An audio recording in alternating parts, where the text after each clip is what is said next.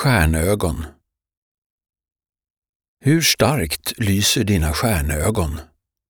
För att vara mer konkret, lyser de överhuvudtaget? Eller har de slocknat? Om du tittar på barn i din omgivning kommer du att se en glöd och en passion som du sällan ser hos en vuxen person. För många slocknar denna låga någonstans i de senare tonåren. Vilka orsaker som finns är troligen många och det är inget som går att lista här. För en del människor verkar det dock som att stjärnögonen aldrig slocknar, även om risken alltså verkar vara stor att den gör det. Många människor glöder fortfarande, men om man inte är medveten om hur man behåller sin gnista kan man tappa sin glöd. Det är viktigt att du upptäcker detta, så att du kan ta egna beslut för att förhindra det. Det kan i vissa fall handla om att du behöver vidta ett antal relativt drastiska åtgärder med resultatet att dina stjärnögon flammar upp igen.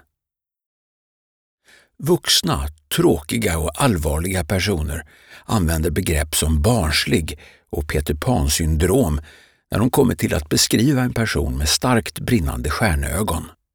Alfons Åberg får höra att han ska sluta vara så barnslig och säger själv att han strävar efter att vara mera vuxlig och ägna sig åt allvarligare saker.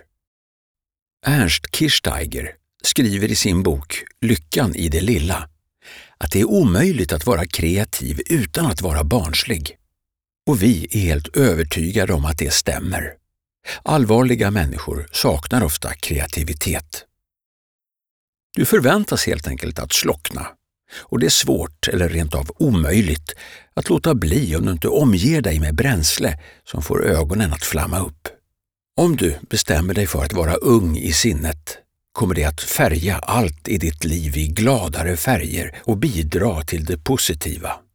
Det är också mycket troligt att du, genom att behålla dina stjärnögon, påverkar åldrandet på ett positivt sätt.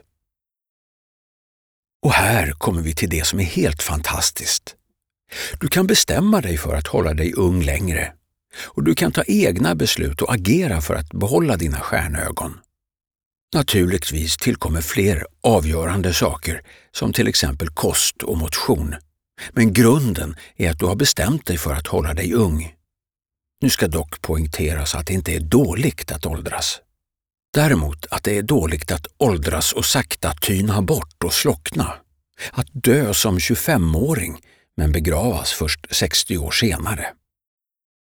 Behåll dina stjärnögon. Tänk inte så mycket på hur andra ska tycka och tänka om dig, utan våga vara barnslig.